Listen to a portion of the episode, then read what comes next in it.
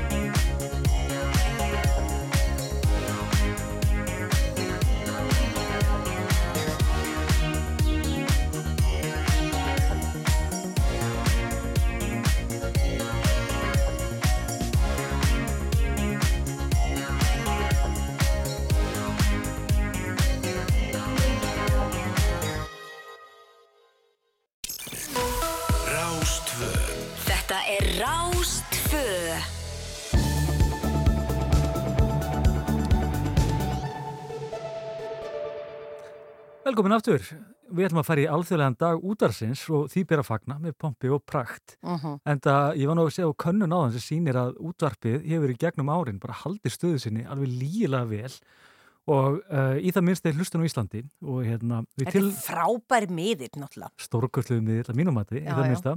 Í tilefni dagsins hefur fengið til okkar Fanni Byrnu Jónsdóttur, hún er dagskrafstöri Rásar 1 og svo Þórtísi Valsdóttur, fórstöðumann útarsmiðlunar sínar og þetta eru svona fangaskipti raunverulega. Vi, við lánuðum einn hérna frá okkur yfir til uh, bylgjunar og við fengum einn í staðin Já. og við sleppum þeir ekki fyrir en raunverulega við fáum okkar tilbaka sko. Já, þannig ég þarf að, vera jafn press og Siggi Gunnars. Ég veit ekki hvort ég náði því. Nei, hann var aðeinslegur í, í bítinu í morgun á bylginu og, og hann bussi á K100 kom með honum, dagskrastöru. Frábært. Þannig að uh, þau voru þarna mjög, og þau var, sko, eitt af því sem þau töluðum er sko hvað, uh, það eru margir svona útvarpsnördar á Íslandi. Já, Og ég er í grunninn kannski ekkit rosa mikið útvarsnörd, en ég elska að vinna með öllum þessum útvarsnördum sem fylgjast með öllum útvarstöðum út um allan heim og hvað er nýtt á nálinni þar og, og svo fæ ég upplýsingarnar og við vinnum með það saman, sem er frábært. En ég var nú samt alltaf í æsku eitthvað að taka upp eitthvað útvarstætti á kassutækja heimi á mér. Já, við hefum það sameinlegt, ég gerði það líka, það er, eitthvað, það er ótrúlegt og svo skildi maður einhvern veginn slýsast í þetta starf á sínu tíma. En Fanny, ert þú út af uh, já, svona nörd ef, ef við megum sletta þess? Já, ég er nú bara svo heppin að uh, ég á svo átti svo aldrei að fóreldra að ég bara mm, ég, já, það var kveikt á útvarpinu frá mótni til kvölds heimi á mér alltaf Mm. Já. Uh, Á, ég, á gufuna þá? mm, já, mest en það var alveg skipt yfir uh, eftir því hvað var í útvarpinu sem er líka bara óskubellett það Já. er bara maður er mismandi skapi og það eru ótrúlega margar flottar útastöðar á Íslandi að gera ótrúlega flotta hluti uh, og margir með svona sína sérstöðu sem er mitt upplagt að, að, að, að bara láta veður og vinda og skapi ráða hvað, hvað henda manni hverju sinni. Uh, en ég er kannski ekki svona útvarsnörd, ég er ekki að fylgjast mikið með Uh, svona kannski sérstökum útastöðum út í heimi uh, en kannski meira svona þessum, þessum, þessum stóru þróun uh, stórum trendum. Og það er líka áhugavert einmitt að maður sér það heilt yfir að útvarpið hefur verið að styrkjast mjög markvist síðastlegin ár á sama tíma og nánast öll önnur fjölmiðlun fyrir auðvitað interneti hefur að gefa eftir, svona hefðbundin fjölmiðlun. Mhm. Þannig að, veist, hvað skýrir þetta? Veit einhver af hverju ósköpunum útvarpið er að fara upp? Sko ég er eiginlega meina tilgátu og, og ég hef ekkert vísendalegt þess að bakka þetta upp en, en þið veitir hvernig ég samfélagi er orðið þannig að við erum alltaf að taka ákvarðanir bara, þú, þú veist, hver þekkir það ekki setjast fram, fram að sjónvarpið og opna Netflix og bara hvað ef að það er vel gert eins og er gert mjög víða hér á Íslandi bara við erum með frábærar útastöðar út um allt að við þurfum ekki að velja. Það er bara verið að mata okkur af ótrúlega áhugaverið efni, tónlist og þar fram til gödum Mm þannig að, að ég held að það sé ástæðan fyrir því að við fáum kannski smá kvild frá ákvarðantöku. Nema það bara að þú veist ákvaða ákvaða stöðu ætlum að hlusta Já, ég, ég held að þetta brundi líka í okkur aðeins þessi hjarðhæðun sem er uh, náttúrulega í okkur Íslandingum og við fáum uh, sko svona sameinlegan reynsluheim. Það er eitt að hlusta bara á tónlist út í einn en, en að heyra í einhverjum sem er í beinni útsettingu eða hvort sem hann er í upptöknum þætti en hann er að tala beint við þig og við heyrum hvað er að gerast annar staðar. Haldi að það hafa einhver áhrif smæðin. Já, Já. alveg röglega Ég held að það sé bara hárétt sko útvarpið er svona er svona meira svona seig fljótandi sameilu upplifun við veginn sameinust fyrir fram að sjónva, sjónvaskjáina þegar það er svona einhverju sérstakki viðburðir Stórir. Já, við gerum það mjög mikið en við sameinust kannski meira við útvarpið einmitt svona bara uh, jamt og þétt sko frá sjö til sjö þar að segja frá sjö mótnarna til sjö kvöldin eru sko hátt í 40.000 að hlusta á útvarp á Íslandi, uh, einhverja rás á hverju mínútu. Já, og það er alveg magnað uh, og svona einhvern veginn, Já, maður finnur til sín og þeir gera það öruglega líka bara sem útastfólk að það er bara alveg ótrúlegur fjöldi hverju sinni að, að hlusta það sem er verið að, að, að bera á borð í útvarpi. En svo er líka heillandi að að þetta er ofta, þetta er náttúrulega nánast alltaf í beinni útsendingu, flest allt í það minnsta sem gerir þetta svolítið svona dýnamískara og magnaðara og maður sér það líka bara í sjónvarpi að fólki mun svona menn horfa meira á beinarúsendingar og eru spenntir í, þeim, í það minnsta heldur en hérna, það sem er tekið upp og þó þessi allur gangur á þessu auðvita en heldur að það sé hluta galdrinum að þetta sé allt í beinu útsendingu Já og það er líka sko það sem er svo heillandi við þetta. Ég eh, hef nú alveg eh, starfað eitthvað örlítið í sjónvarpi líka og mér fannst það eiginlega bara ekki en skemmtilegt. Bara það, það var ekkert neins svo mikið umstang í staðin fyrir bara ég fæ hugmynd að mótni eða bara í hádeginu og svo er ég búin að framkvæma það síðar þann dag bara með eh, og matræða þetta eitthvað fyrir þjóðuna á eitthvað frábæran hátt. Það er svo geðvikt að þetta bara gerist samstundis, það er eitthvað atbyrð sem gerist núna, ég minna, tala nú ekki um í, í jarðhræringunum sem eru búin að vera í gangi upp á síkasti, hvernig fólk hleypur til upp með sleðan á, á hérna borðinu og, og byrjar að tala í útvarpið. einmitt, akkurat, þegar kemur einmitt eitthvað upp á þá einmitt er þetta miðlinn sem menn treyst á, en svo er líka hlaðvarpið, hlaðvarpið náttúrulega hefur bætt bara ótrúleiri vitt við allt saman og raunverulega eru fleiri, hafa aldrei jafn margir verið að hlusta í heiminum einmitt út af því. Nei, einmitt, og það er náttúrulega bara ótrúlegu fjöldi líka uh, víða á Íslandi sem að framleiði hlaðvarp og það er ótrúlega fallið þróun að, að það er einmitt bara svolítið svona eins og þegar, þegar uh, umræðan opnaðist í gegnum samfélagsmiðla, allir hafa rödd og þá er það bara eins með, með hlaðvarpin, þú getur búið til þinn einn útastátt án sérstaks tilkostnaðar uh, en, en hlustun á líka svona framleitt uh, hlaðvörp sem eru náttúrulega bara útast þættir, eða þættir uh, hefur náttúrulega aukist alveg gríðarlega og Og það rétt eins og bara samfélagsumræða í beinum útsendingum er náttúrulega alveg ótrúlega mikilvægur hluti af bara líðræðis uh, hlutverki sem að, að fjölmilar uh, þurfa að sinna vel. Ég finn það líka sko að það er svo mi- mikilvægt að vera í svona miklum samskiptum við hlustendur. Við, eins og ég var náttúrulega í Reykjavík síðdeis í nokkur ár og, og við opnum fyrir síman okkur um einast deg og bara um leið og við segjum við séum fyrir að opna fyrir síman þá allt í henni bara springur símkerfið. Fólk vill segja sína skoðun og uh, þarna er við bara eigi í beinum samskiptum í beinni útsendingu við fólkið og stundu fær maður gaggrinni í beinni og það er bara fint og sömur talum að það sé of mikil tónlist, of lítið uh, tal eða of mikið tal of lítil tónlist en þá er akkurat breyttin sem að skipti máli. Ég, heyrði frá manni sem að var mjög þreyttur bara á fréttum. Hann var bara, nennir ekki að vera alltaf að það sé verið að tyggja hjá ríkistjórninu svona og, og svo eru jarðræningar og hann sem sagt sendi okkur post og sagði bara gullbylgjan er það besta sem hefur komið fyrir mig. Þar ertu að hlusta á bara tónlist, frábæra tónlist allan daginn en þú færð fréttir inn á milli. Erfiði tímar fyrir fólk sem vil ekki frétti. það eru að segja sér- alltaf erfið tímar fyrir fólk sem vil ekki fréttir. Já. Nei, ég, þarna, þetta er bara mitt uh, gott dæmi um, um fjölbreytnar sem er á íslenskum uh, útvarsmarkaði að það er eiginlega, eins og ég sagði áðan, það er alveg sama í hvað skapið þú ert, þú getur alltaf fundið eitthvað við þitt hæfi. Og, og við rættum áðan svona stórviðbyrðun eins og eld, eldgós, veist, það er náttúrulega magnað að geta verið einhvern veginn uh, í beinni útsendingu mm, þegar, þegar það er verið að fyrst að rýma bæi og síðan að, að einhvern veginn að, að góðsinn koma upp. Þetta er, þú gerir þetta ekki til sjónvarpi. Það Nei. er bara, þú gerir þetta ekki einu svona netinu. Þar þarftu að, að sko skrifa allavega inn fréttina þú getur sett hann í loftið. En, en hér eins og, og Þorti sagðan, hér opnar bara fyrir sleðan og, og, og reyður út þeirra tilkynningum eins og það er berast í rauntíma sko Getur þannig verið til staðar fyrir fólkið. Já, þetta er náttúrulega bara uh, ótrúlega uh, mikilvægt hlutverk sem útvarpi sinnir uh, að þessu leti. Mm. Haldið að við séum svona bara rétt í lokin að ala upp líka útvarshlustendur, af því þú talaður um það að mamma þín og pappi uh, alltaf verið kveikt á útvarpinu, er þetta ekki, erum við ekki bara að ala upp útvarshlustendur líka, það er alltaf kveikt á útvarpinu í bílnu hjá fólki? Sko ég er alveg pottið að gera það ég er alltaf að hlusta útvarp, það er kannski bara hluta starfinu mínu en, en ég viðkenna mér brá pínu um daginn þegar ég var að keira með, með sko dóttur mína sem var þá sex ára og svo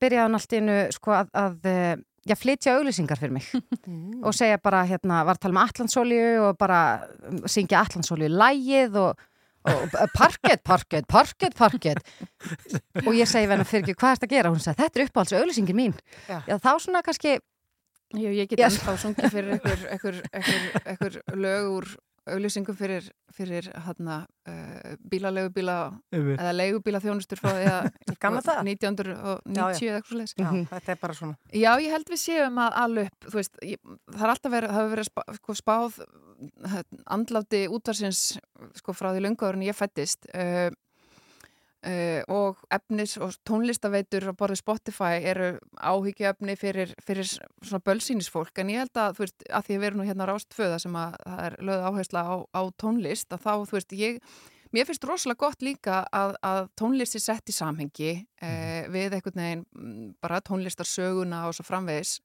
Mér finnst líka rosalega gott að vita hverjir er að velja tónlistunum mig, hverjir er að kynna hana fyrir mér og þetta er gert á, á mörgum rásum.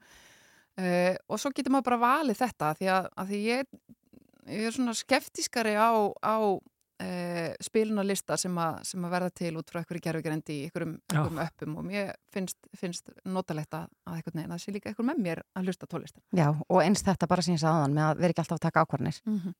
Að þú, þú bara færð frábært efni beint í æð og þarft ekki svona að hugsa. Og það þú myndist nú á, á sko hlaðvörpuna hann. Mhm. Ég fæ valkviða þegar ég fer að hugsa um að hlusta hlaðvörpuna. Hvar á ég að byrja? Það er undar mjög Það er komin þúsund þættir og ég byrja fyrsta þætti. Akkurat. Það er nefnilega ekkert, er ekkert auðvelt að finna almennileg hlaðverf sem þú fílar og svo framvegis. Þú þarfst alveg að vinna Já. töluvera vinnu við að googla og allt þetta til þess að finna uh, það allt saman. Já. Þannig að, já, það er alveg rétt. En En það er allavega þessi dagur í dag á að halda upp á þetta eitthvað í kvöld, já, Stefur. skála. Já, já, já. Við erum búin að vera bara með standandi veislu nýra á Söðlandsbröyti allan dag. Já, er ekki bara þjóðin að fara að fagna þessu með sælgeta bönum? Já, nákvæmlega. Ég held að uh, takk kærlega fyrir að koma til okkar og uh, á alþjóðlegum degi útvars fyrir þá sem að voru að stilla inn því að útarpið svolítið þannig líka og getur komið og farið. Já. Er ekki hæfi að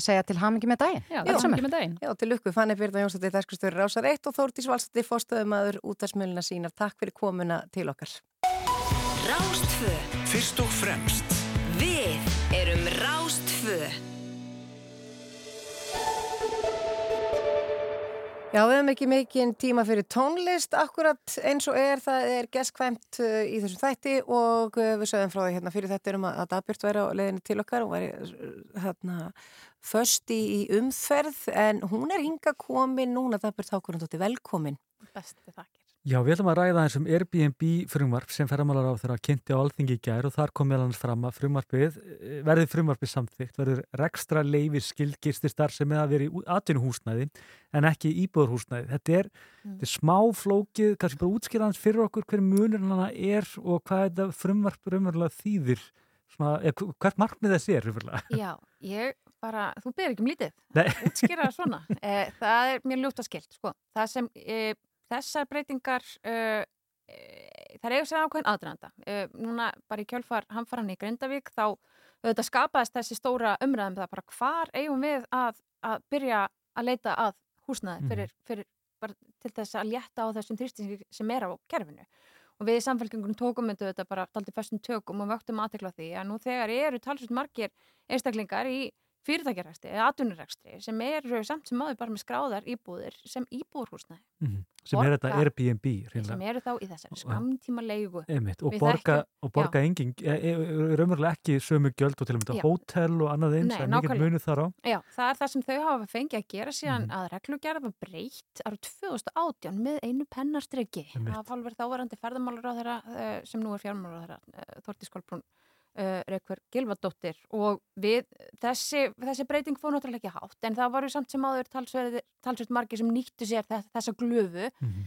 og uh, keiftu þá uh, festukaup á íbúðum sem eru bara yfirleitt mjög vel staðsettar, miðsvæðis og eftir sóknarverðum svæðum en uh, við þekkjum öll þetta dæmi ja, það er bara, Einmitt. hér býr enginn nema bara fólk sem er í, í skamtímalega En, en hver, var, hver eru rökin fyrir því að þessu var breytt árið 2018? Var, var, hver var þörfin? Ég veist það nú bara get ég ekki svarað Nei, því. einmitt, það var svo- ekki ég sem stóð bak við þessa breytingu eða við samfélkingunni.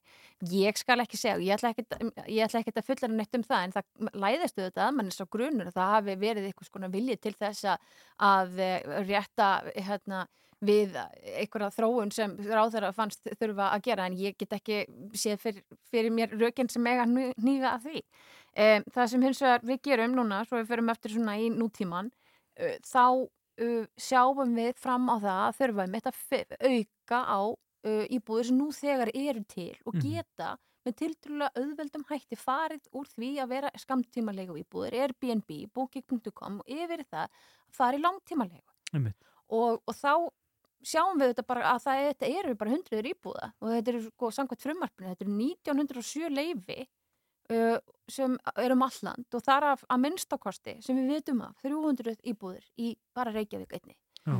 og ha, sveitafélögin hafa mismunandi hag af því að, af, af, af hverju fyrirkomulegi fyrir sig. Stundum Mhm. á dreifbíli stöðum kann að vera e, minni þörf á að uppræta þetta, kannski ekki forsendu fyrir að reka heilt hótel en það er kannski viljið til þess að vera með e, svona e, íbúðir á, Mhm. á stöku stað en í Reykjavík til dæmis hefur þetta vakið miklu umræða vegna þess að borginn til sig þurfa að stjórna þessu auka á svona blöndun byggðar hafa hana alls konar ekki bara uh, í þessari stóri blokk hérna bara í glæs, glæsubrokk sem er miðsvæði svo Já, mögulega öfgafylstu dæmi sem Já. við sáum var, var bara heil blokk sem var reynilega undir bara, undir sett bara af svona Já. skamtíma legu íbúðum. En svo, en svo er líka bara neyð á leigumarkaði. Ég búin að vera lengi. Já, Já, fyrir einmitt. utan það og þessi blokk sem þú nefnir Valur, hún er einmitt- einmitt sko svo sorglegt dæmi því að það er ungbarnarleikskóla neðstuðaðinni Já, Þú veist, það er, það er að ef þú ert að tala um sem er blökk og ég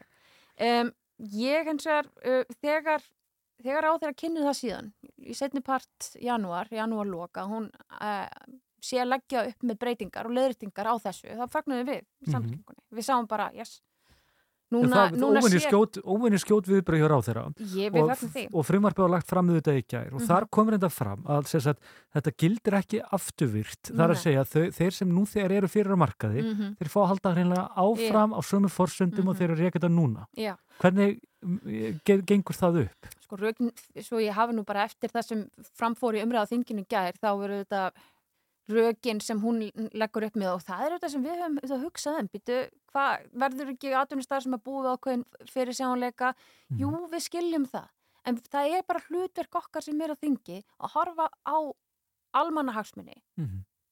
út frá samfélaginu heild Mhm. og það getur stundum verið, skapast svo aðstæða að það sé bara reynilega skilda okkar á þingi að greina það hvar e, skóin kreppir, Mhm. hvar þurfum við að, að breyta rekstarskilurðum Einmitt. ákve, í ákveðnum atvinnugreinum Og meðan þessi, þetta frumvarp er í, er í meðförum alþingi sem nefndar Já. vinnu og annað eins, þá geta raunverulega eh, fjárfestar komið inn á markað í keppni við þá sem raunverulega þurfa á íbúðum að halda þessu framvegis þetta er mjög Til- mikilvægt og já. sem raunverulega sko, þrengir enn frekar að, leigumar, ja, að markaðnum, húsnæðismarkaðnum. glugginn nefnilega er ekki búin að lokast Nei, hann er nefnilega galopinn og, og verður opinn þanga til að þessi lög verða samþykkt sem Akkúrat. við vitum ekki hvena verður Nei. En, en ég, ég, mér langar að spyrja, en hvernig á þetta þá að leysa þetta akkurat núna, þennan vanda ef að þetta er ekki afturvirt? Þegar ég bara get ekki svaraði. Ég er ekki bjart sinnum að þetta muni reynilega ná að leysa eitthvað aðgallinu vanda núna. Vi, við, við þurfum lausni núna á þeim, þeim, þeim vanda sem er núna fyrir hendi á húsnæðismarkaði. Ekki síst bara í því efnaðarsumhverju sem við erum í núna. Við þurfum að, við þurfum að halda áfram að stemma stegu við verðbólkuþróun. Þetta hjálpar því ekki. Um, við verðum að átt okkur á skildum okkar hérna á alþingi að, að vísa bara mjög opið það að það sé ekki hægt að breyta afturvirt og ráð þeirra vísa þarna í það að, að það sé ekki hægt að, að, að svita fólkirunni e, atvinnu sinni og það séu stjórnarskrávarin réttindi á sig við atvinnu var frelsis og máli? þá verður samt ráð þeirra að vera aðeins nákvæmari í þeirri tilvísun. Ég er núla fræðingur, ég hef starfað í, í 15 ár í stjórnsýslunni og ég, ég, ég þekki uh, bara það hvernig hægt er að- stuðla að vandari lagarsetningu og hvað starfskilir þið gilda fyrir atvinnureikundur sem og, og stjórnveld. Og ég veit það bara þá líka að það eru ansi rík svegrum sem lögjafanum er gefin. Það er að segja að alþingi hefur býstna ríkt svegrum til þess að taka ákvarðanir Já. sem gætur eins bara daldi íþingjandi fyrir mm einstakar atvinnugreinar. En það er ekki eins og að það sé verið að banna Airbnb og það er mjög mikilvægt að það komi fram. Mhm. Ef við varum bara, setja bara reynd bann við starfsemi Airbnb á Íslandi þá getum við kannski farið að tala á okkur um djúbstæðan En, en, en, en ráð þeirra virðist vera allir að vilja gerður, þannig að það er þá bara spurningum að þessu yrði breytt varðandi þetta með afturvirk. Ég það vona ég svo sannarlega að, að geti orðið raunin, því annars er þetta svo mikil vonbreyði. Því að, því að þetta er ekki að fara að leysa neitt vanda sem eh, grindvikingar standa fram með fyrir eða stórar hópar sem núna þurfa svo nöðsynlega að komast í, í, í, í bara hæft íbórhúsnaði. Við tökum eftir því að það er bara skelflega þróun að verða til og fólk gistir hér í, heilu fjölskyldunar eru hér í ósamþektið íbórhúsnaði.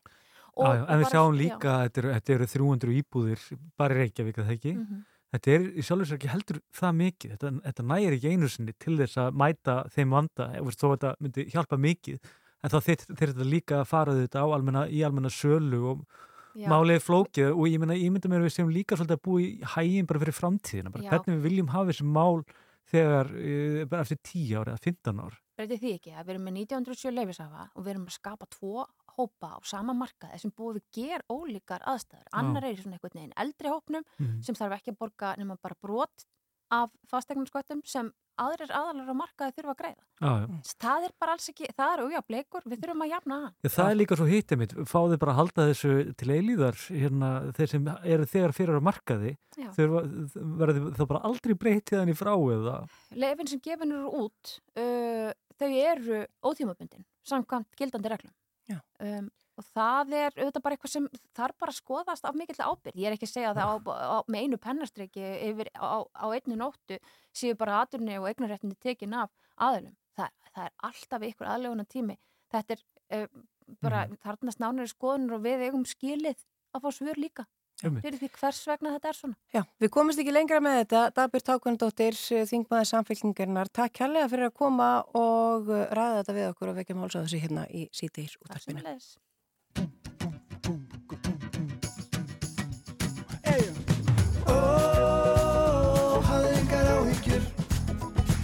Það er sem það er Fer sem það fer Ó, hafðu engar áhyggjur Þú hefur ekkert val Um það sem koma skal Við kjöklum og grátum og vælum og volum Með kvíð og ángist af komandi sorgum. Þú veist ekki neitt hvað verður á morgun. Óskrifa Og ef börnin í þig ónótum hreit og að þið sækir langtíma þreyt og þig fer að langa fá þér í feita hvað er nú það?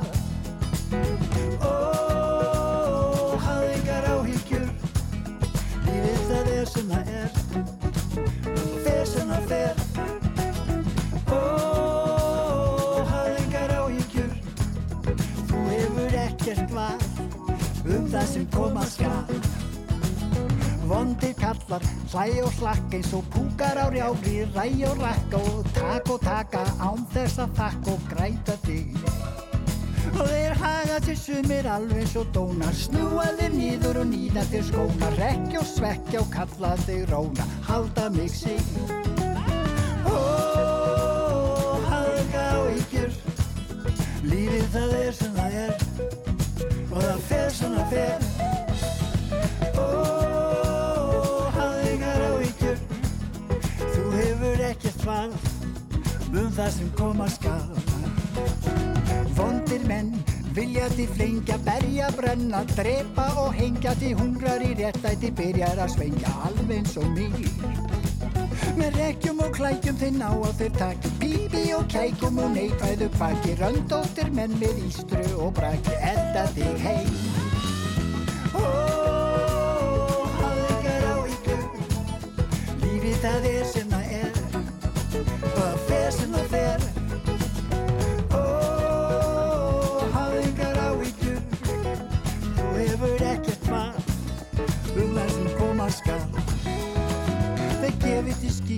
stendur á sama skikja á sólina, öllum til ama skilja okkur eftir arga og grama við rekum til sjós.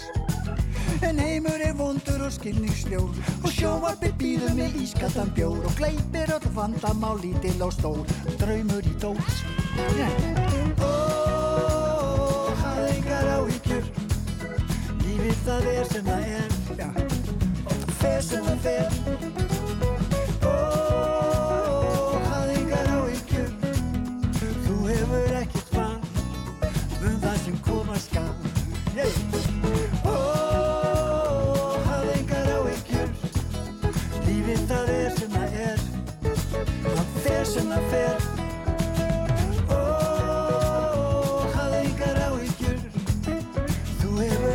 Val um það sem koma skal.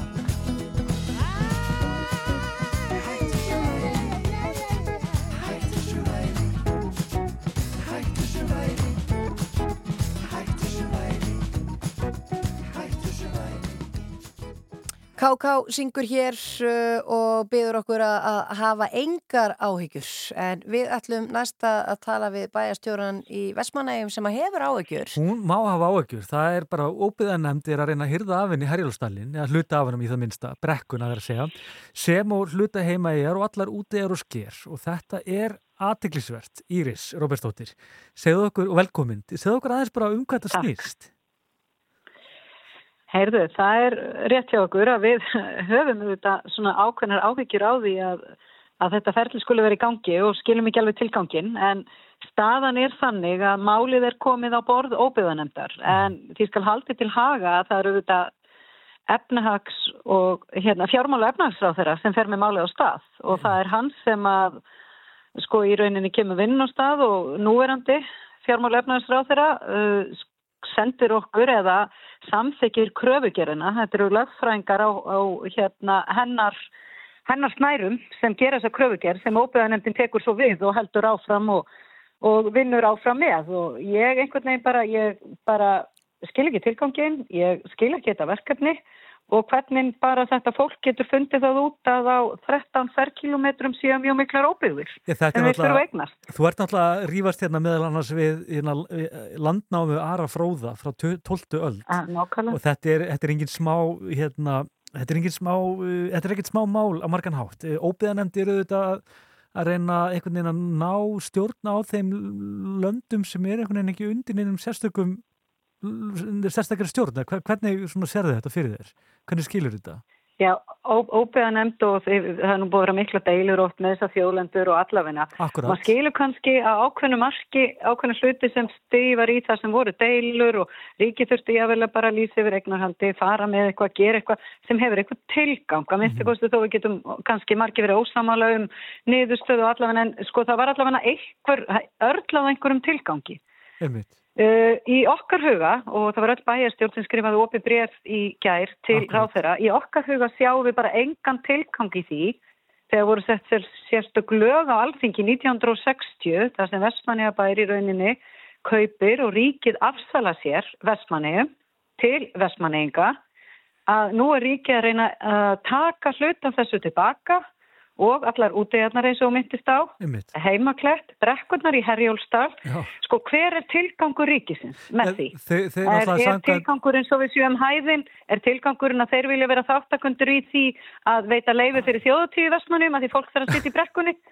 Hver er tilgangurinn til dæmis með heimaklett? Ja, Þetta er bara- þetta er ekki óbyggðir. verkefni óbyðanemndar er náttúrulega úrskurðum eignaréttindi innan En þjóðverðna. óbyggðanemnd er ekki byrjuð, þannig ég var að benda þér á það. Já, já. Málið, óbyggðanemnd, var bara að fá málið til sín. Mm Óbyggðanemnd gerir ekki skil. Óbyggðanemnd vinnur úr því, kallar eftir, þau eru komin á þennan stað Mhm. og óbyggðanemnd og það apparat og allt í kringum það að ég ætla ekki eins og inn í þann pakka. Nei. En ok, það er eitthvað sem er til og var sett á með lögum, en það er ráðuneytið.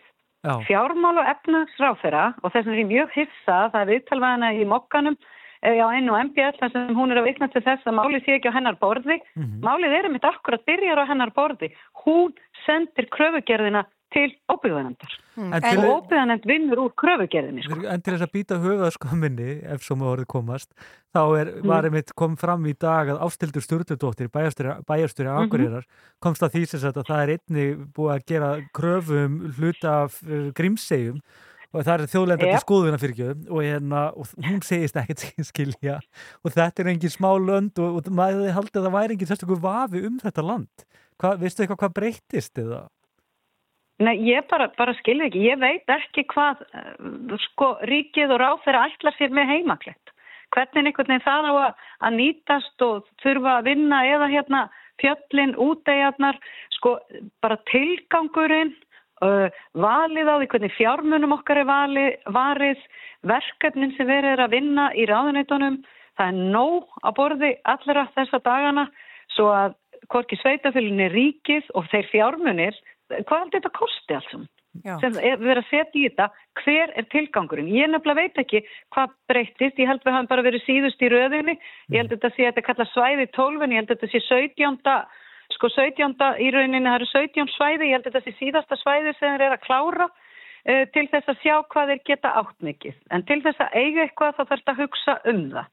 Og ég hef nú ekki séð ríkið hugsa neitt ofsalega vel um allt sem þeir eiga. En, en það eiga þeir þetta ekki. Og ég meina, við vorum svo óhöfin að það var gos hérna 1973 þannig að ríkið er nú að reyna að eigna sér eldfjall sem kom upp úr jörðinni þá. Þannig að þetta er, vitið það á sig svolítið, ef það væri spöggstofa, þá væri sketsum þetta um helgina. En, en sagt, Þetta er náttúrulega bara galið. Sko. þér finnst að ríkið eigi að vera að eyða peningum í eitthvað annað heldur en þessa ópiða nefnt akkurat núna? Já, óbyggðanemndin sem á að vinna úr þessu, en ríkið þarf þetta frá stað með málið og það, þeir eru búinir að taka skrefi með því að ráða eða vera með lögfræðinga að vinna við þetta og svona og það að vera að klára þetta einhvern veginn eins og ástildur eru að tala um, ég meina, Grímsvei er ekki stór, Vestmanneir er 13 ferkilometra og ríkið er að reyna að eignast helmingina Vestmanneir að því það eru óbyggðir, En hver- ef enginn veit, þú veit, þið veit þetta er gal. Hvað, hver eru næstu skref hjá ykkur? Þið þurfum vantilega að svara þessu og ég meina, hvernig getið þið mópast þessu? Já, bara svona milli þess sem að við erum að berjast bara fyrir samgöngum og hugsa um mentun og hugsa um fólki okkar hér, þá þurfum við núna að fara undirbú okkur undir það að reyna að sanna fyrir ríkinu að hér sé ekki óbyggðir sem þeir geta hýrt á okkur. Þannig að þó, þó þeir fari aftur til aðra fróða, að þá er ímislegt sem að við teljum okkur hafa til okkar máls, Já, en við ættum auðvitað ekki að vera þurfa að standa í þessu.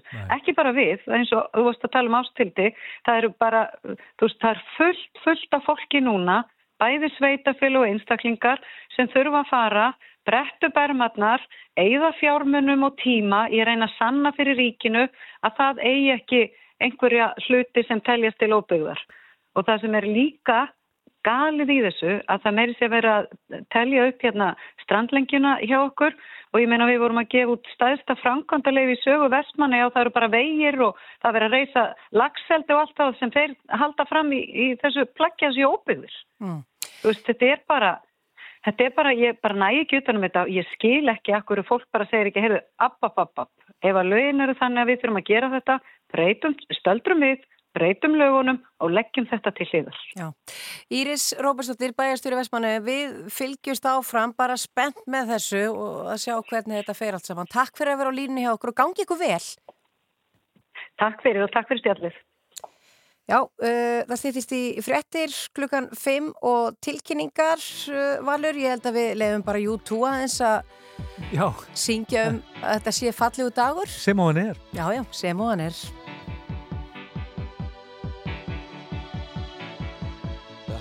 Is a blue Shoots up through the stony ground There's no room. No space to rent in this town. You're out of luck. And the reason that you had to care The traffic is stuck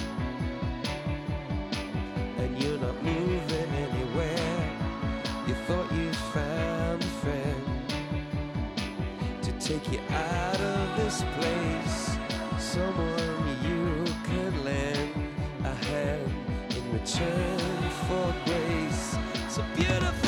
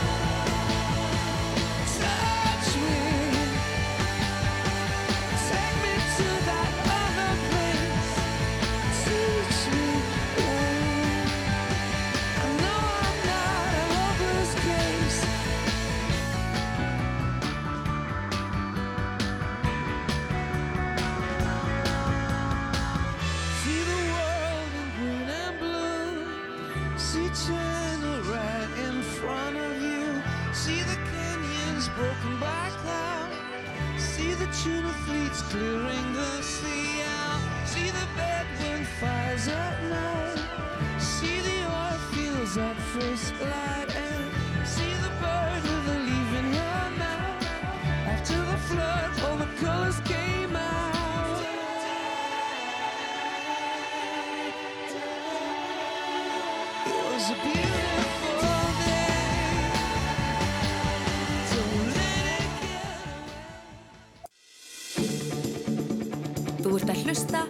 Síðdeis útvarpið á Rástvöð. Já, við höldum áfram í síðdeis útvarpinu og við erum komið næsta viðmálanda. Hann heitir Ragnar Freyr Ingvarsson, sérfæðireknur og formaður Læknafélags Reykjavíkur en hann skrifaði grein í Læknablaði á dögunum og, og þar fjallaði hann um málþing á nýjástöðunum Læknadögum þar sem að fjalla var um sóun í íslensku heilbreyðiskerfi og við ætlum að beina sjónum okkar að þessari sóun næstu mínútundar. Bara velkomin. Já, takk kærlega fyrir að bjóða mér. Okkur langar nú kannski fyrst til að spyrja því að bara svo að fólk skilji nú alveg um hvað þessi grein er. Hún fjallar eins og sóun og þú tekur þetta saman hérna alveg ofbáslega mikla fjárhæðir sem fara inn í kerfið og hversu mikið er að fara mögulega, sagt, er að sóast í, af þeim fjármunum. Segðu okkur aðeins bara, þetta eru 380 miljardar sem- fara inn í kerfið. á- Já, við verjum alveg geysilegu fjö í hilbreyðiskerfið okkar og sem, og sem betur fer gerum við það því að við eigðum 380 miljardum í allt kerfið og ég er nú hef ég talað um dáður og ég meina 380 miljardar er svo stór tala að maður áttar sig ekki á því hversu stór hún er og þá finnst mér gott að nálgast viðfangsefni með að bara brjóta hana niður Mm. og í hvað verjum við þessum peningum því að við notum þá náttúrulega í allt okkar kerfi bara hvert sem við horfum þá notum við um 130 til 160 miljardar til þess að reka öll sjúkrahúsin á landinu við verjum um 42 að 3 miljardum í heilsugæsluna. Við, við hérna notum rúmlega 70 miljardar í dvalar og hjúkurnarími við notum um 12-13 miljardar í alla sérgarina þjónustuna og svo bara er bara málaflokkurinn alveg ofbúðaslega stór. Og það er þetta að brjóta þetta niður með því að kíkja á til dæmis fjárlega frumvarpið.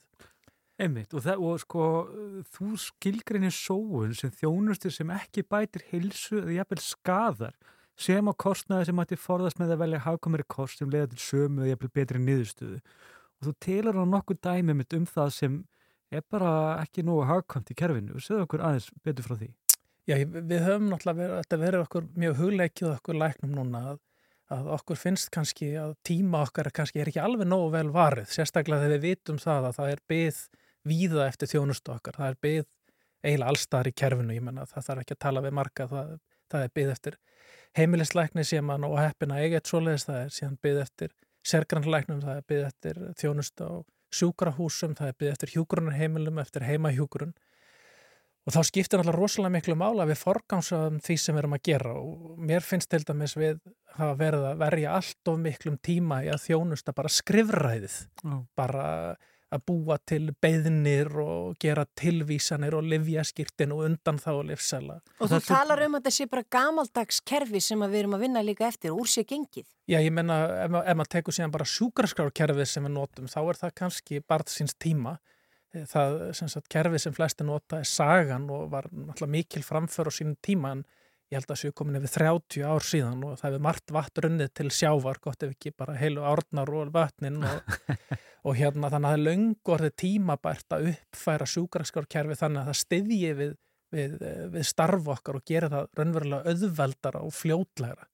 En eins og þið, fyrst og fremst var, var mér hugleiki þetta með tíma sem sagt uh, læknisins að við viljum að hann sé nýtist sem best þannig, mm. þannig að við getum varið okkar tíma í að gera það sem við eigum að gera og það er að sinna sjúklingum, að tala við sjúklinga greina vanda þeirra og greiða leið þeirra og meðhandla þá. Við eigum ekki að vera að eyða tímanum í að skrifa tilvísanir til dæmis til barnalækna bara til að fá greiðslu þáttöku eða til sjúkraþjálfara sem eru síðan sérfræðingar í sínu fægi að, að bara til þess að fá greiðslu þáttöku það, hefur margt gott gest í þeim efnum. Þú getur núna að fara til sjúkraþjálfara í sex skipti en ef þú þarft meiri meðferð þú þarfst að koma til mín og ég skrif einhvern pappir og þetta er náttúrulega bara þetta er óþarfi. Og sama skapið með undan þá livsala og livja skýrtinu við erum að, við erum að nota tíma læknisins mörguleiti illa. En hver, hver geti sint þessu, Ragnar, annar en læknirinn? Já, sumu getur bara sleft Ég meina, bara tilvísanir til barnalækna bara til að fá greiðslu þáttöku, það er bara, skrif, það er bara þjónusta við skrifræðið og það er bara því einhver átók ákvarðum og færði ekki greiðslu þáttöku nema einhver skrifi bref og þá breytur því bara þannig að heimilislæknar er með gerð upp ég- hafa í raunverulega mópmælt þessu og þeir ætla að hætta, eða hafa skorað á heimilislækna að hætta þessu, að skrifa þessar tilvísanir frá með 15. februar fyrir börningi satt. Jú, þeir, þeir hafa gert það og ég stið þá heilsugar í því. Sko, tilvísun er verkfæri læknisins að leita að aðstóð. Þegar, að, þegar mín ráð dögu ekki eða vandamáli eða þannig að ég skil það ekki, þá skrifa ég til einhvers annars og byðum aðstóð til þess að þjónusta sjúklingin. Það, það á ekki bara að vera til að fá greiðslu þáttöku. Mhm. Það er til þess að hjálpa sjúklingum að leysa eitthvað vandamál. Mhm. Það, er, það er síðan kerfið sem ákveður hvað hlutinir eiga að kosta. Það, það ætti ekki að vera í hendi læknisins. Þannig að slíkt er tímasóun fyrir læknin. Eh, Sama skapi að vera að skrifa endalösa undan þáu livsæla bara því kerfið segi það í að vera svoleiðis eða, eða livja skýrtinni bara, þú veist, eftir Hvað- gömlum klíniskum leiðbenningum. Hvað er undan þá lífseðil fyrir þá sem eru þarna úti fastir í umferðinu núna? Flestir hafa heyrt þetta. að- Já, þegar að lif er skráð á Íslandi þá er, fær það markaðsleif og þá getur þú skrifað bara hefðbundin livseðil. En segjum svo að lifið sé ekki til, nú, þá er kannski einhver önnur lif sem að veri samþygt sem undan þá lif og þá verður að skrifa sérstakann livseðil fyrir því. Nú segjum svo svo að markaðsleifið verði fáanlegt aftur og þá fellur undan þá livseðilin úr gildi og þá ætti að skrifa annan livseðil. Já, já. Og ég meina þetta, þetta, er bara, þetta er bara svona arbitrært regluverk sem við getum bara slegið af borðinu og fría þannig tíma læknis og mér finnst mikilvægt að maður hugsa hans um það sem sagt heimilislæknar hafa reyndað svona að gera þetta uh, skilja hversu mikið tíma þetta er ég meina bara það að skrifa tilvísin til barnalækna eru þrýr læknar á dag alla daga ársins. Bara það að skrifa sjúkraþjálfunarbeðinir eru 5, 6, 7 læknar alla daga vikunar allt árið um kring. Og ímyndið ykkur bara, bara átta læknan í herbergi sem eru bara vélrita. Já. bara til þess að fá greiðslu þáttöku ég meina það segir sér sjálft að það er náttúrulega bara fáránlegt. Þú- þessi læknar eiga að vera að sjá sjúklinga Já. tala við þá, greina og meðhandla Ég sérstaklega í kerfi eins og okkar í dag þar sem eins og þú segir það er byð allstaðar og skortur á læknum. Vissulega. Hva, og þú líka tiltekur þarna í, í þessari grein ég meina, hvað kostar að menta lækni? Og hvort að tímans væri ekki betur eh, einhvern veginn varið í að gera eitthvað annað? Jú, ég, það, það er mín skoðun að, hérna og ég held að margra kollega minn og ef ekki allra að okkar verkefni er náttúrulega fyrst og fremst að sinna sjúklingum og minna að sinna pappír. Auðvitað þurfum við að skrá eitthvað niður, það segir sér sjálft en við eigum náttúrulega að forgangsaða það að þjónusta sjúklingum það er ofar öllu. En svo er eitt sem ég tók eftir og mér finnst dálítið aðteglisvert af því að mér hefði haldið þetta væri með til gags en ekki ógags. En þá sem sagt, þú segir, segir að spjall, spjall á heilsuveru sé gagslítið og raunveruleg tímasóun. Uh, ég hefði haldið þetta myndi með auka aðgengi fólks og það myndi ekki þurfa að koma og þetta, þetta hafi verið fleiri kostir en ókostir.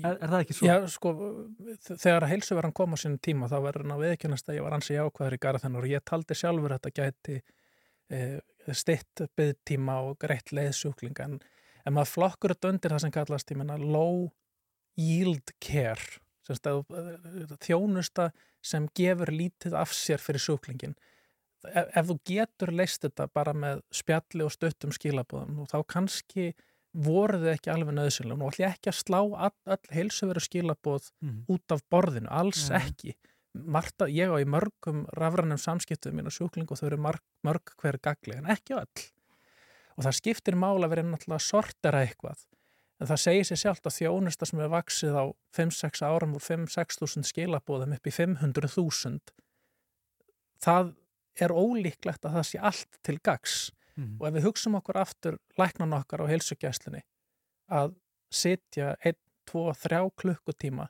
að svara skilabóðum þá veistu að þessi læknir er þá ekki í móttöku. Mhm. hann er ekki með skipulaða tíma.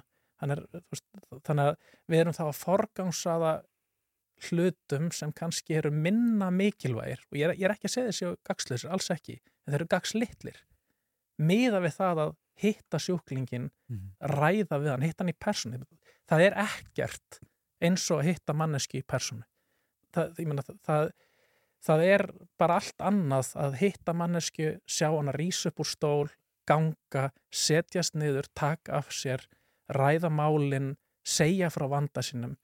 Þetta er ekki eitthvað sem getur sett í ykkur smáskilabóð eða man, man næri ekki að greina vandan á sama hátt eins og að hitta persónu, þó það sé ekki nefnir skammastund. En hvað þarf að gera hérna? Þarf að eh, búa til enn eina nefndina um þetta allt saman? Manni finnst eins og þær séu líka svolítið gagslillar og eða þarf eh, hérna hilbreysir á þeirra að taka þetta fastar í tökum. Hvað, hvað telur það þurfa að gera til þess að ef við segja bara strömlínu laga þetta kerfi þannig að það fari að tími lækna frá að nýtast betur? Ég, ég legg til að, að hérna, við hlustum á læknana því að það er nú við sem erum að hlusta á sjúklingana og það er við sem heyrum hvað þar, þarfir eru helst brínastar í samfélaginu. Og ég get nefnt sem dæmi, ég menna heimilislæknar hafa kallað eftir því hreinlega að heilsuverðinni bara verði lokað í þeirri mynd sem hún er í dag og verði sett upp með þeim formerkjum, að það nýtist þeirra starfi sem best. Og ég menna ég get alveg tekjum það, með það með þeim vegna þess að ég menna það eru þeir sem er, er, er, er í vinnuna að, að reyna að skilja hvað sjúklingandi þurfa og ef þeir sjá það að tíma þeir er minn, meira varið í gagsleitla þjónustu og, og minna í það sem er raunverulega brín þarf fyrir þá segir sér sjálft að ef læknarnir segja þetta og þá hljótum við að hlusta það það, það, það er einhvern veginn skrítið að hafa heilan her af læknum sem er búin að verja gríðarlegu fjö í að menta og hlusta svo ekki á ráðgjöður Já. Þú veist, meina, þið, við hlustum persónulega á, á læknun okkar en svo þegar við köllum út í samfélagi þá svona eins og, nei við skulum bara gera eitthvað allt annað. Já. Þannig að þið viljið á ykkur sér hlusta Ragnarfreyr Ingvarsson, sérfæðileiknur og formáður leiknarfélagsís Reykjavíkur bara takk kærlega fyrir komuna og, og hérna, gangi ykkur vel í þessari baráttu. Ég bara mín er ánægin, ég vona að okkur verið hlusta Takk fyrir. Síðdegisútvarfið Á Rástfö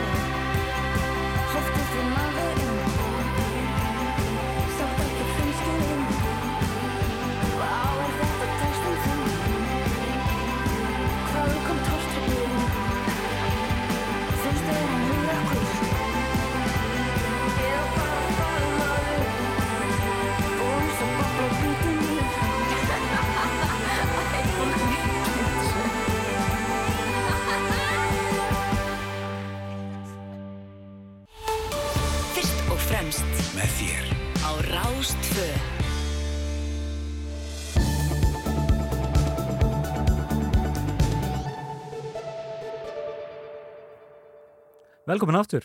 Hvað brennur á stúdendum í skeipilagsmálum? Við ætlum að spyrja því, Guðrún, Dís, Emilsdóttir. Já, það uh, fer fram málþing á vegum Vísindagarða HÍ á morgun og já, til að segja okkur bara betur frá þessu öllu saman þá eru það komin ykkar til okkar Rakel Anna Bolter fórsett í stúdendaráðs og Þorsteinn R. Hermansson hjá Betri Samgöngum. Velkomin.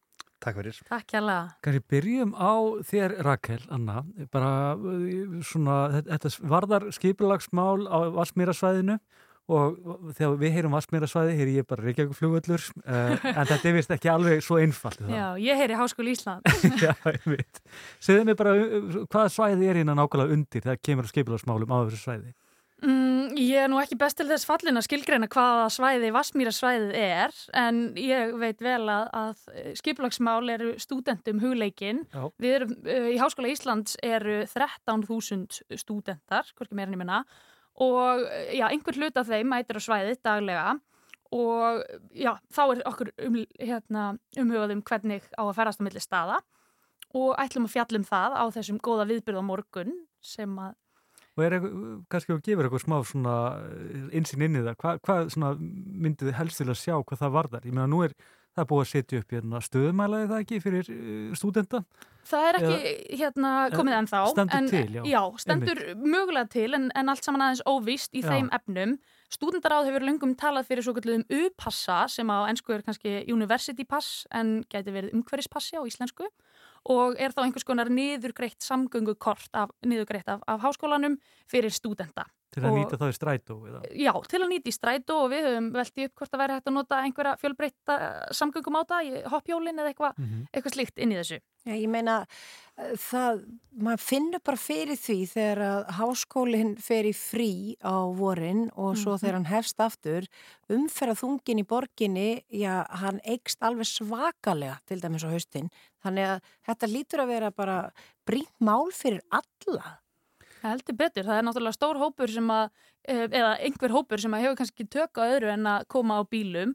Og eins og staðin núna þá er ekki beint pláss fyrir þig, hvorki á bílastæðanum nýja á meina þetta Og tekur hálftíma klukkutíma að fara með staða. Og þá kemur með Þorsteinn uh, svolítið sterkur inn, hútanlega betri samgöngum sem auðvitað, þið eru meðal hans að, að skipilegja og huga borgarlínunni, ekki satt? Jú, við erum að því, eh, betri samgöngur er semst félagi eigu ríkisins og sveitafélagana og við erum með þessi stærstu samgönguverkefni á höfuborgarsvæðinu, bæði hvað varðar vegagerð og uh, borgarlínu og svo framvegis. Þannig að þetta er mikið af verkefnum sem eru undir og þau tengjast einmitt vassmýrinni mörg hver, hvort sem það er miklabraut í stokk eða göng eða borgarlína yfir Fossvog og eftir miklabraut og eftir Suðurlandsbraut.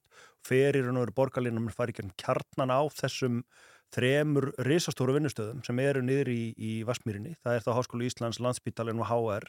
Þannig að allir þessir vinnustöðar, þú spyrir hva, hvernig skilgröfu Vassmýrina, það er þessi stóru vinnustöðar sem eru greiðlega mikilværi þessu og svo ekki, ekki síður bara gróska og vísindagarðar og allt það samfélag sem er að verða þar, CCP og Alvotek og svo framvegis og svo framvegis. Þannig að mjög mikið af fólki sem þarf að komast til og frá þessu svæði og innan þess líka. Mm Og þarna er líka eins og þú segir, eða er að tala um, þarna eru miklar umferða teppur, þannig að við hljótum að vilja sjá enn betri samgöngur á þetta svæði. Já, það er markmiðið og, og fjölbreyttari samgöngur. Það er ljóst að það er í raun og veru með fólksfjölkun og í raun og veru fjölkun starfa og íbúa á þessu svæði að það verður alltaf erfiðar og erfiðar að koma öllum fyrir í, í röð, bílaröðina. Þannig að það er verið að horfa á fjölbreyttara lausnir og aðra lausnir en, en vissulega verða bílasamgöngur áfram miklar á þessu svæði. Sjáu þið einhverja lausn í þessu? Ég meina, verður þetta þægilegra næstu 20 árin til að mynda? Maður, nú eru menn ekkert sérstaklega jákvæði fyrir því að, að flugvöldurinn fari bráðlega. Það verðist vera erfitt að finna nýjan stað fyrir hann og, og það tekur bara tíma að byggja hann og þetta er bara mjög praktísk element þar. Hva, hvernig sjáu þið fyrir ykkur framtíðina á næstu 20 árum? Já, ætli ég svari fyrir hönd framtíðarinnar. Er, svaraður, já, fyrir hönd framtíðarinnar. Ég meina, ætli, ætli fjölbreyttir samgöngumátar sé ekki bara svarið uh, og, og hérna, fólk sem að hérna, ferðast á bílum ætti að vera helstu talsmenn þess, þá er meira pláss fyrir þau Mhm. uh, að, að það séu Þetta er góður punktur einmitt vegna þess að það hefur auðvitað verið að auka skrýðarlega hvernig fólk er að ferðast í Reykjavík á síðastinu tíu árum. Það er hafa, þau hafa snar aukist og svo er náttúrulega þessi, séum ekki hoppjól, þessi rafhjól hreinlega og bara Einmitt. þau eru alls konar. Einmitt. Það hefur til að mynda snarbreyst líka, þannig að það er nú bara ímislegt í loftinu það ekki þegar kemur að fjölbreyttari leiðin til að ferðast.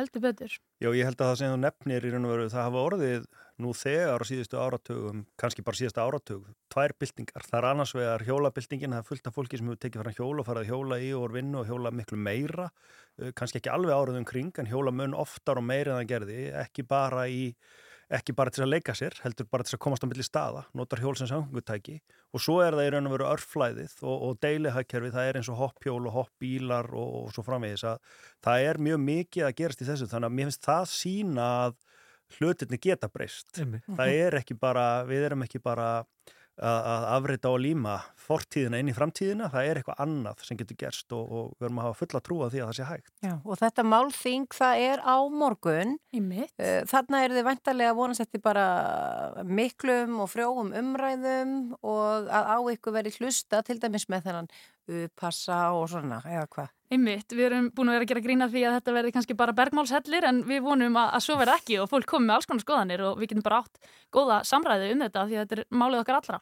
Já, og hvar, hvar finnur fólk upplýsingar um þetta sem hefur áhuga að mæta? Já, ég var allavega að sé Facebook viðburð hérna, umferðin og okkar daglega líf. Mhm. Þið getið hérna, fletti upp, vísindagarðar á Google eh, kom ykkur ábyggla áleiðis líka. Já, vísindagarðar, HÍ og svo þetta er í grósku og fólk getur nú bara flettið upp, þetta er um milli 8, 15 og 12 á morgun já, já. og það verður nú bara svolítið áhugast að sjá hvað kemur út úr þessu. Akkurat. Já, samræð, samræðarna byrja 9.15 og, og þá verða held ég alveg 5 aðilar með framsögu og Já. síðan ætlum við að spjalla saman og það verður gefið heilmikill tími fyrir umræður líka. Og veitingar, öll velkomin. Einmitt, veitingar og básar og það var mikil stemming. Og allir velkomin, öll velkomin. Heldur betur. Herðu, mjög spennandi, þannig að við hvetjum fólk til að skoða þetta. Rakel Anna Bolter, fórstið stúdendaráðs og Þorstein R. Hermansson hjá Betri Samgöngu. Takk fyrir að gefa ykkur tíma, því að við það er mikið að gera hjá okkur og undirbúa þetta og koma hérna til okkar. Ekkert mál, bara takk fyrir að fá okkur. Takk fyrir. Þú ert að hlusta Á síðdeis útvarpið á Rás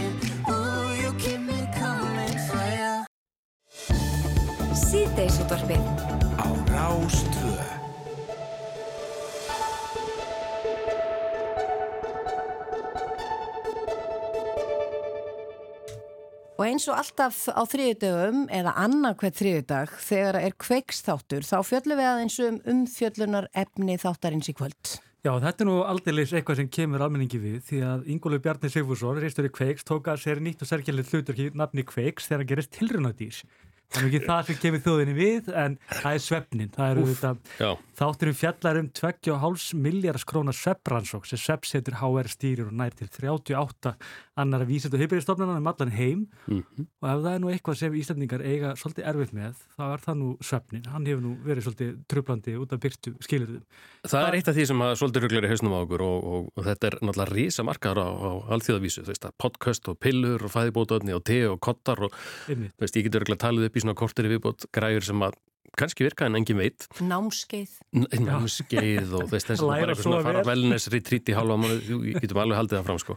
en það sem er merkilegt er að sko í svona könnunum segist þriðjungur vandilega svona þriðjungur allspurða bæði hér og Erlendis segjast klíma við einhvers konar svona svefn vandamál svo Mhm. heitla einhvern veginn vakna morgin uh, og svona þegar maður hugsa um það er fáránlegt er raun og verið að vísindin á bakvið svona svefn rannsóknir og það svo tækni og annað sem að stöðst þessi er raun og veru bara úrelt og, og ótrúlega vanþróað.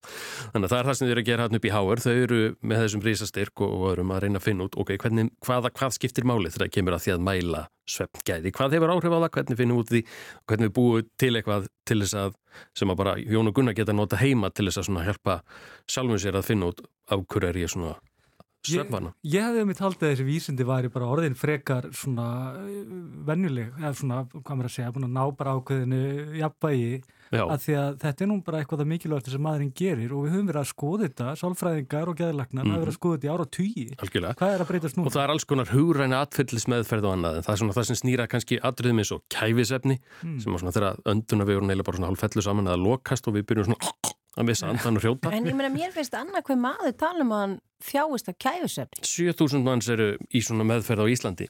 En klínísku viðmiðin þar eru bara eitthvað sem einhver fann upp fyrir 50 árum og eru bara svona svolítið bara eitthvað út í loftið. Og ekki nóg með það að þau klínísku viðmið til dæmis ef við tökum bara kæfisefnin þeim miðast náttúrulega við helming mannkins kalla að því að að vera að rannsaka einhverjar konur. Þannig að helmingur mannkins er með óheðbundin kæfisefn eða óheðbundin einkenni kæfisefns til dæmis Og hvaða áhrif hefur þetta og vi, vi, vi, kemur það fram í þættinum? Er þetta alveg áhrif? Getur menn- þetta stilt líf okkar og svo framvegis? Þetta, þetta bæði stýttir líf, eigur líkur á alls konar uh, bæði andlegum og líkalegum kvillum, uh, menn tengja þetta hörnunarsjúkdómum, þetta hefur líka bara áhrif á geta okkar til þess að bara klára daginn, við erum hættulegri í umferðinni, við erum afkastaminni í vinnunni. Kæfisvefnin einn?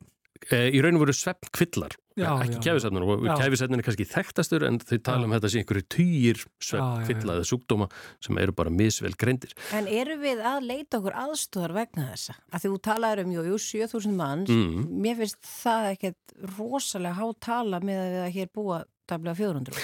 Nei, þú pælir því þannig, þá er það svo sem ekki sko og, og, og kannski er það bara svo margir uppfylla ekki þessi viðmið eða það veist, falla ekki innan einhvers konar kranklingaskilgreiningar nútímans sem að segja þau í HR er bara svona gölluð Eða pæla bara ekki í þessu. eða pæla bara ekki í þessu eða bara að þú veist, þú veist að já, ég hefði nú betur vaknað veist, sofið lengur eða farið fyrir bálið eða ekki drukkið svona mikið kaffi eða hvað nú kann að vera? En er það ekki hluta af þessu mitt og maður sér það auðvitað ítrekka í rannsóknum að kemur allan á ungmennum að við erum bara ekki að sofa nóg. Er ekki? svo mikið nóg og uh, tölum við líka við Matthew Walker hérna sem að margir hérna þekkja nafnið, hann skrifaði bók sem heitir uh, Why We Sleep. Og hérna hann uh, vísaði meðal hans til rannsóknar í Ástralíu sem síndi að ungmenni á aldrunum 6 til 18 ára á undanförnum 100 árum hefur bara meðal nætursefnin stist um 2 klukkustundir. Já, og það hefur bara áhrif, sérstaklega hjá börnum, hefur bara áhrif á þroska og, og, og, og líkamlegan og andlaðan þroska og meiri líkur á ADHD eða þú séfur illa uh, þetta er alls konar, þetta er ótrúlega fjölbreytt.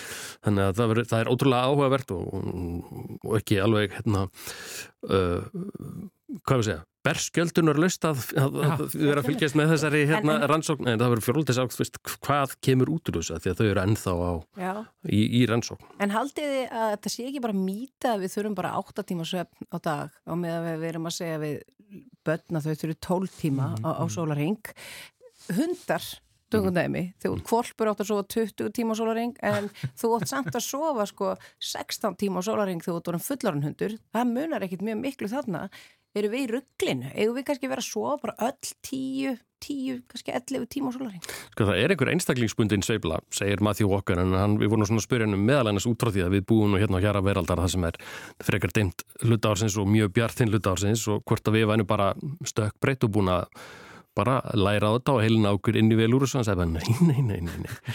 Sko náttúrum var 3,6 miljónir ára að stilla okkur inn á þessu svona 7-9 klukkustundir sem við þurfum til þess að hlaða batterín og það að þú sitt einhver sko lifir æfin einhver staðar það sem er stundum bjart og stundum ditt, skiltur bara engum máli. Þetta, er bara það allt í svona rugli. skrítin, er það þetta er svona kannski útskýrir að hverju maður hefur einhverja óstjórnlega þörflis að fara að leggja í hýði í janúar og februar. En ég ætla að spyrja það einu, þetta er nefnilega, mér finnst þetta mjög áhugavert. Þú sjálfur gerðist tilrænadýr í rannsókninni Já. og hvað fól það í sér og hvernig fór það?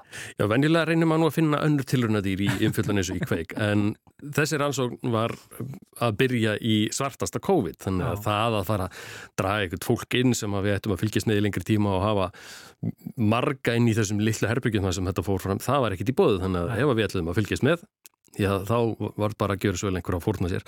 Þannig að þetta var, uh, þetta er ímislegt og allt óskaplega flatterandi fyrir miðaldra kallmenn að, hérna, að vera með grímur og græur á brókinni einhvern veginn í, í, í, í svefnmælingum og fytumælingum og veist, í sjónvarpi allra landsmann í sjálf, já, það er bæði ég og aðrir sjá mig öðru ljós eftir þetta. Hræddur um- er nú ekki fyrir alla, það er alveg, alveg þannig. ef ég hefði bara vitað þetta. En ég verð að spyrja þig, hérna, kom, varstu einhverju vísari um því sjálfan eftir þetta?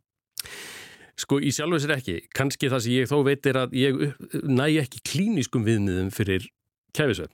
Nei. En aftur á móti er mjög líklegt ef að þegar menn eru búin að uppfæra þessi viðmið og klára þessa rannsókn að þá verður niðurstaðan önnur og það er kannski líka bara daldið áhugavert veist. í Já. dag er, er ég bara snundum þurr í hálsunum þegar ég vakna eða sé villa eða vakna snemma eða eitthvað. En ég uppfyll ekki neinn svona viðmiði við það að vera með einhvers konar skilgrindan kvilla eða kæfisvefn eða eitthvað slikt Já, að og það er bara að vegna þess að það eru bara gömul viðmið og úrelt. Já, þannig að þegar að vera búið að laga þau þá er kannski bara hellingur aðeins Já, og ég segi hvað mér verður sagt. Það verður gott eða þú grendir þig.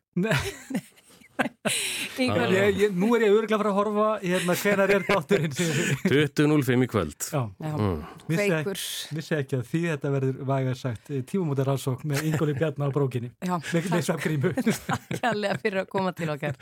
Takk, takk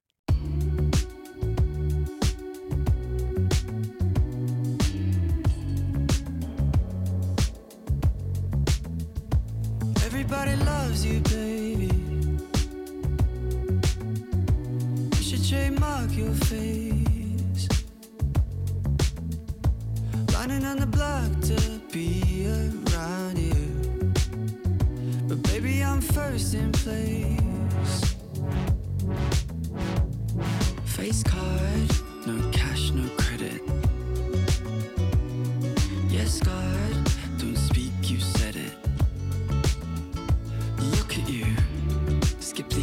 Kirche.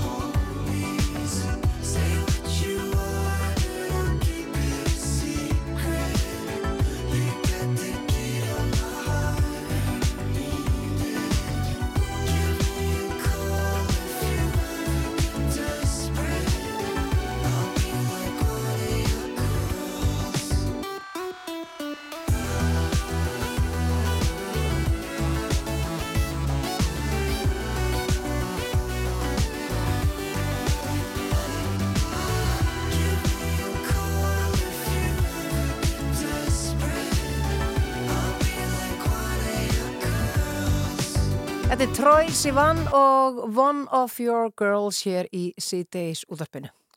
Já og eitt aðteglisverðarsta sakamál sem við höfum séð bara í lengri tíma uh, aðmeðferðis lauk núna bara fyrir skömmu og þetta er hriðverkamálið svo kallað og það er ekki fallet nafn og þetta eru skelverið glæpir sem er hann að eru undir en þess byrja að hafa í huga að ekkert af þessu var full framið að raunverulega þar að segja að það kemur að hriðverkunum en þetta eru ungir menn sem hafa ekki segir um vopnalega brot bara svo því þið haldið til að haga til að mér segja játa sög þar og það er ekki neitt issue í þessu öllu saman svo ég bara hérna sletti, en Ingeborg Sara hún, hún var, hérna, hún er frettamæður henni á Rúf og hún satt réttarhöldin og mm -hmm. segðu okkur aðeins bara þetta er vægarsagt sérkynlegt málið eða ekki? Og hvernig gekk Já, þetta?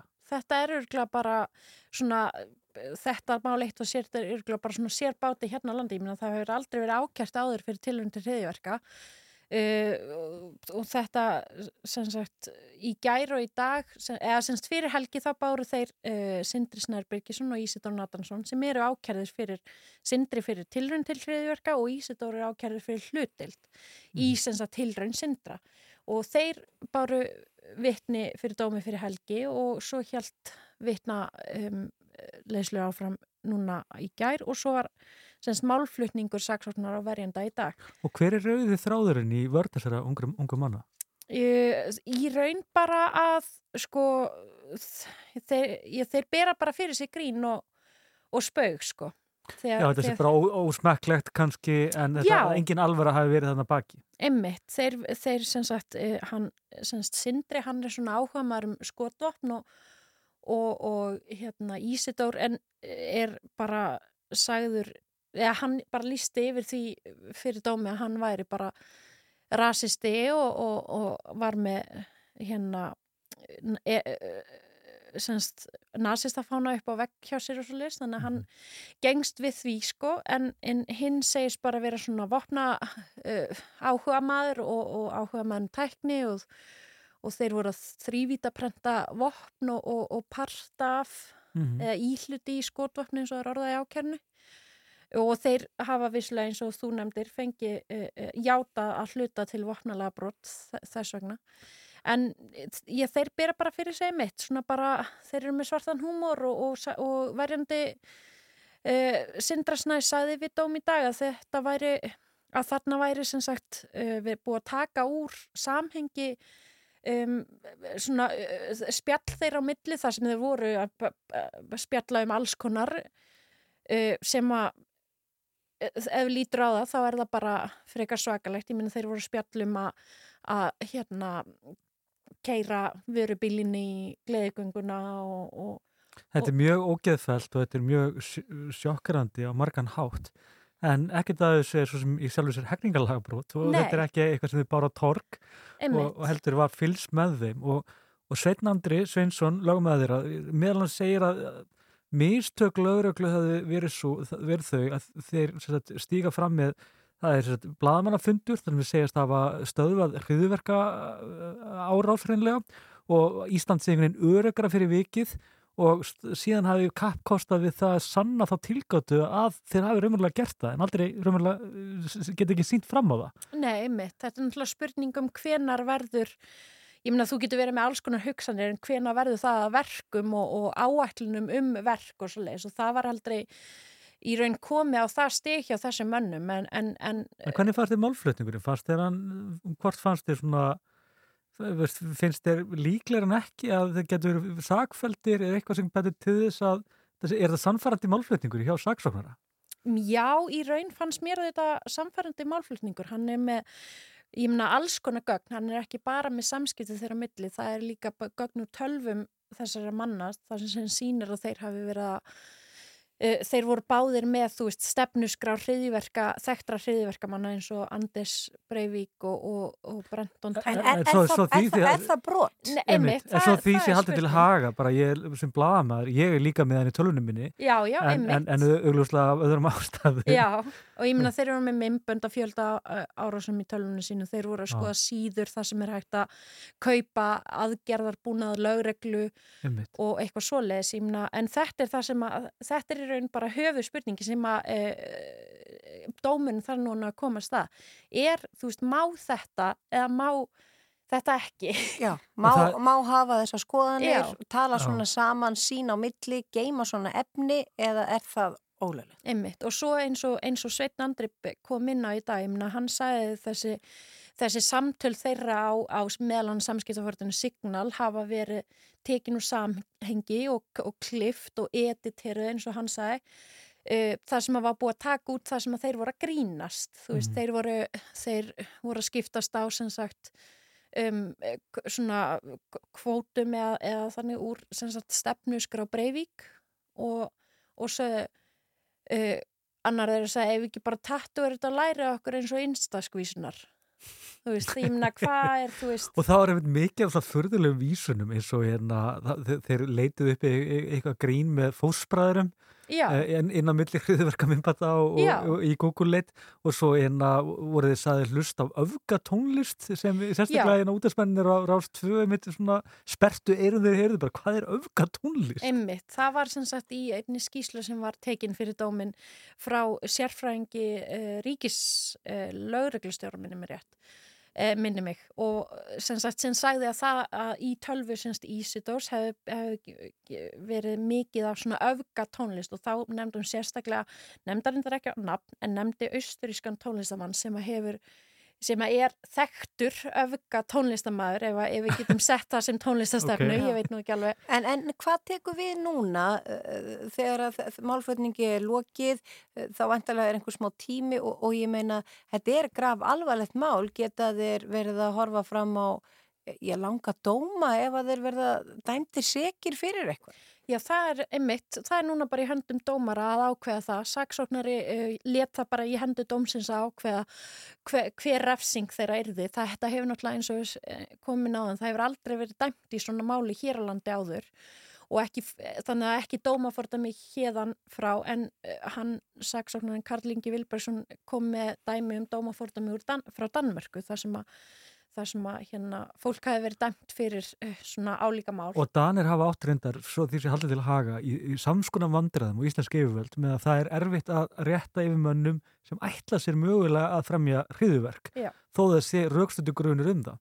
Og þetta er auðvitað það sem við viljum helst sjá í samfélaginu til að halda því öryggu, er auðvitað að það sé komið veg fyrir uh, svona afbrot uh, því að ef þau eru framin verða þau svo skelvileg, þau verða svo svakaleg og, hérna, og þannig að lauruglan hefur í raun, þú veist, lauruglan getur ekki þú veist, þú stoppar ekki hriðiverk meðan það er í gangi, eða skilur, þú veist, ekki nema einhverjum hluta til, þú veist, það, þú stoppar ekki hriðiverk þegar það er búið að fremja það, þannig að lauruglan verður einhver starra að hafa heimil til þess og, og geta það og það er á þessum undirbúningsstegum sem að. Karl Ingi vill meina að þeir hafi verið á og hann vill Og- meina að þessi menn hafi verið bara þannig sé í þann munda að fremja einhver hriðiverk þó hann hafi ekki nefnt einu dafsningu eða neitt þegar þeir voru handteknir. Og lýsingarnar á þeim eru það auðvitað þannig að þetta eru menn sem eru fullfærir um að gera, gera slíkt af því að þeir eru með óvinnilega kunnáttu á óvinnilegu sviði möguleguslega. Einmitt, og, og, en svo einmitt kemur í mati, fram í mati geðlækni sem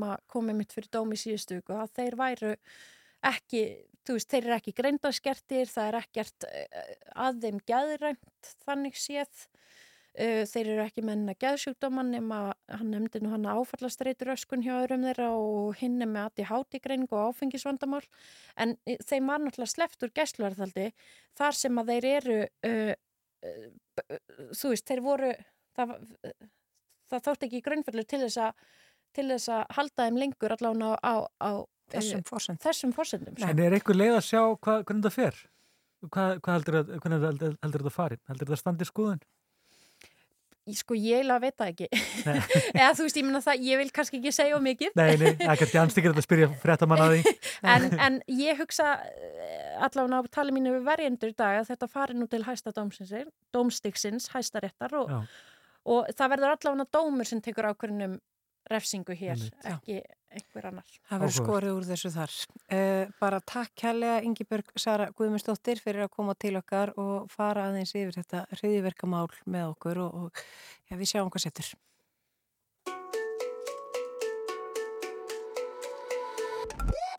He said, Are you serious? I try, but I can't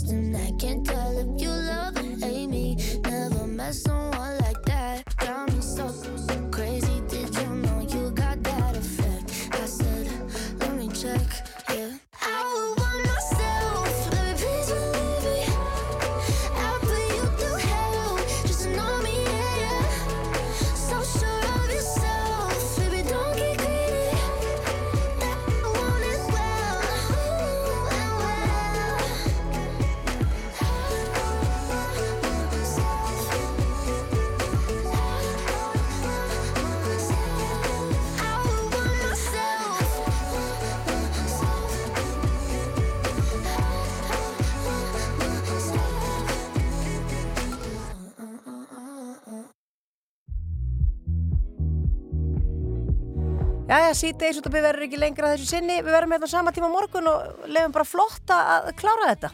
Svo sannanlega. Verðið sæl.